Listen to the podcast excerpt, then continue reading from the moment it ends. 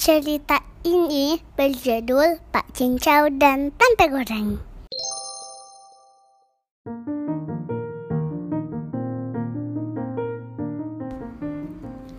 Ada seorang bapak bernama Pak Cincau. Dia berjualan tempe goreng di warungnya yang terletak di sebelah pasar. Pak Cincau hampir kehabisan stok tempe untuk digoreng, dan belum ada pembeli yang datang membeli tempenya. Pak Cincau menggoreng sisa-sisa tempe yang dimilikinya sambil berharap ada pembeli yang mampir membeli tempe. Karena lelah menunggu pembeli, Pak Cincau ketiduran di depan warung.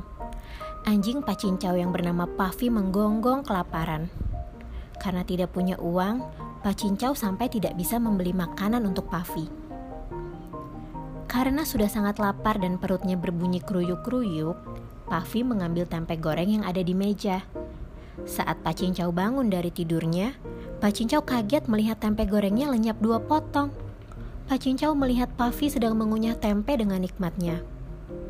Pak Cincau sedih karena tempenya berkurang, tetapi Pak Cincau tidak bisa marah sama Pavi.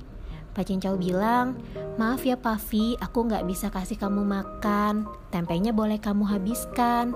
Aku masih ada sisa tempe untuk dijual. Pak Cincau pun menggoreng tempe mentah terakhir miliknya. Tiba-tiba ada seorang anak kecil lewat di depan warung sambil menangis. Pak Cincau bertanya, "Kenapa nangis, Nak?"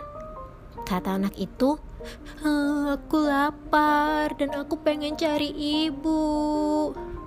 Loh, ibumu memang ke mana?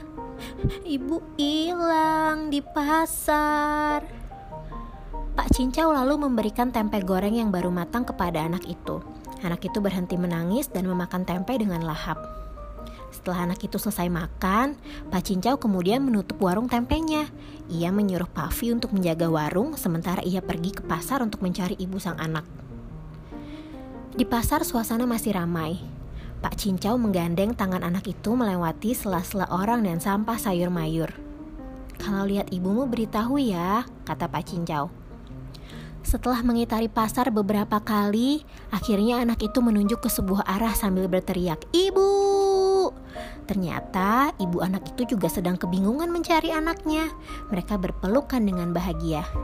"Terima kasih ya, Pak, sudah membantu anak saya," kata si ibu. Anak itu bercerita kalau ia tadi diberi tempe goreng oleh Pak Cincau. Karena mereka berdiri di sebelah tukang sayur, sebagai ucapan terima kasih, si ibu membelikan beberapa potong tempe mentah untuk Pak Cincau. Pak Cincau pun segera pulang ke warungnya dengan hati gembira. Ia lalu menggoreng tempe mentah untuk menjadi tempe-tempe goreng lezat yang siap dijual.